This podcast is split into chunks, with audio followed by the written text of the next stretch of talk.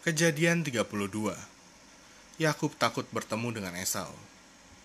Yakub melanjutkan perjalanannya, lalu bertemulah malaikat-malaikat Allah dengan dia. Ketika Yakub melihat mereka, berkatalah ia, "Ini bala tentara Allah."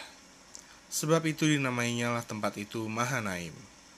Sesudah itu Yakub menyuruh utusannya berjalan lebih dahulu mendapatkan Esau, kakaknya, ke tanah Seir, daerah Edom ia memerintahkan kepada mereka, Beginilah kamu katakan kepada tuanku, kepada Esau. Beginilah kata hambamu Yakub. Aku telah tinggal pada Laban sebagai orang asing dan diam di situ selama ini. Aku telah mempunyai lembu sapi, keledai, dan kambing domba, budak laki-laki dan perempuan. Dan aku menyuruh memberitahukan hal ini kepada tuanku, supaya aku mendapat kasihmu Kemudian pulanglah para utusan itu kepada Yakub dan berkata, Kami telah sampai kepada kakakmu, kepada Esau, dan ia pun sedang di jalan menemui engkau diiringi oleh empat ratus orang. Lalu sangat takutlah Yakub dan merasa sesak hati.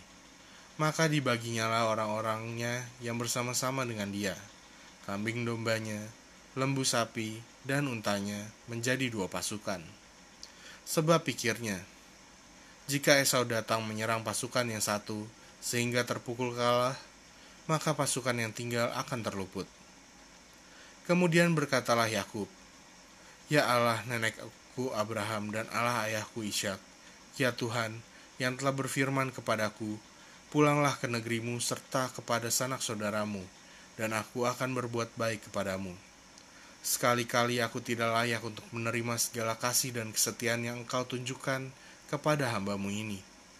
Sebab aku membawa hanya tongkatku ini waktu aku menyeberangi sungai Yordan ini, tetapi sekarang telah menjadi dua pasukan.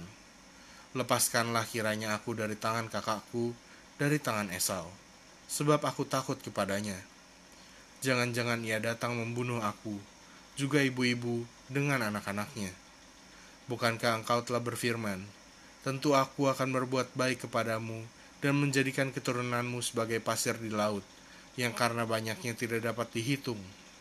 Lalu bermalamlah ia di sana pada malam itu.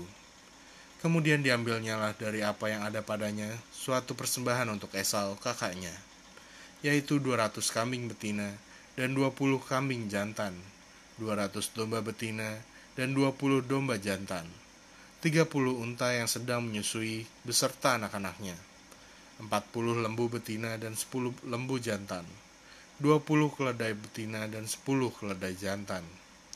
Diserahkannya lah semua itu kepada budak-budaknya untuk dijaga, tiap-tiap kumpulan tersendiri, dan ia berkata kepada mereka, Berjalanlah kamu lebih dahulu, dan jagalah supaya ada jarak antara kumpulan yang satu dengan kumpulan yang lain.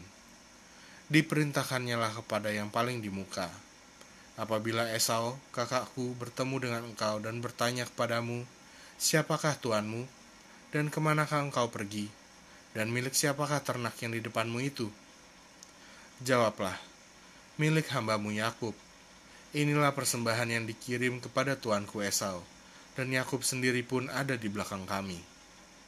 Begitulah diperintahkannya baik kepada yang kedua maupun kepada yang ketiga, dan kepada sekalian orang yang berjalan menggiring kumpulan hewan itu. Katanya, seperti perkataanku tadilah kamu katakan kepada Esau, apabila kamu berjumpa dengan dia. Dan kamu harus mengatakan juga, hambamu Yakub sendiri ada di belakang kami. Sebab pikir Yakub, baiklah aku mendamaikan hatinya dengan persembahan yang diantarkan lebih dahulu. Kemudian barulah aku akan melihat mukanya. Mungkin ia akan menerima aku dengan baik. Jadi persembahan itu diantarkan lebih dahulu, tetapi ia sendiri bermalam pada malam itu di tempat perkemahannya. Pergumulan Yakub dengan Allah. Pada malam itu Yakub bangun dan ia membawa kedua istrinya, kedua budaknya perempuan dan kesebelas anaknya, dan menyeberang di tempat penyeberangan sungai Yabok. Sesudah ia menyeberangkan mereka, ia menyeberangkan juga segala miliknya.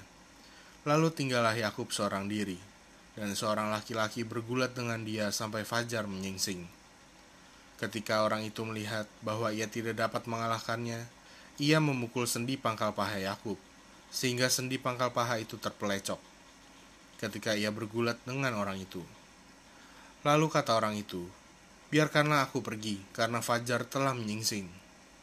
Sahut Yakub, "Aku tidak akan membiarkan engkau pergi jika engkau tidak memberkati aku." Bertanyalah orang itu kepadanya, "Siapakah namamu?" Sahutnya, "Yakub." Lalu kata orang itu, "Namamu tidak akan disebutkan lagi Yakub, tetapi Israel, sebab engkau telah bergumul melawan Allah dan manusia, dan engkau menang. Bertanyalah Yakub, katakanlah juga namamu. Tetapi sahutnya, mengapa engkau menanyakan namaku? Lalu diberkatinya lah Yakub di situ. Yakub menamai tempat itu Niel, sebab katanya, Aku telah melihat Allah berhadapan muka, tetapi nyawaku tertolong. Lalu tampaklah kepadanya matahari terbit ketika ia telah melewati Peniel, dan Yakub pincang karena pangkal pahanya. Itulah sebabnya sampai sekarang orang Israel tidak memakan daging yang menutupi sendi pangkal paha, karena dia telah memukul sendi pangkal paha Yakub pada otot pangkal pahanya.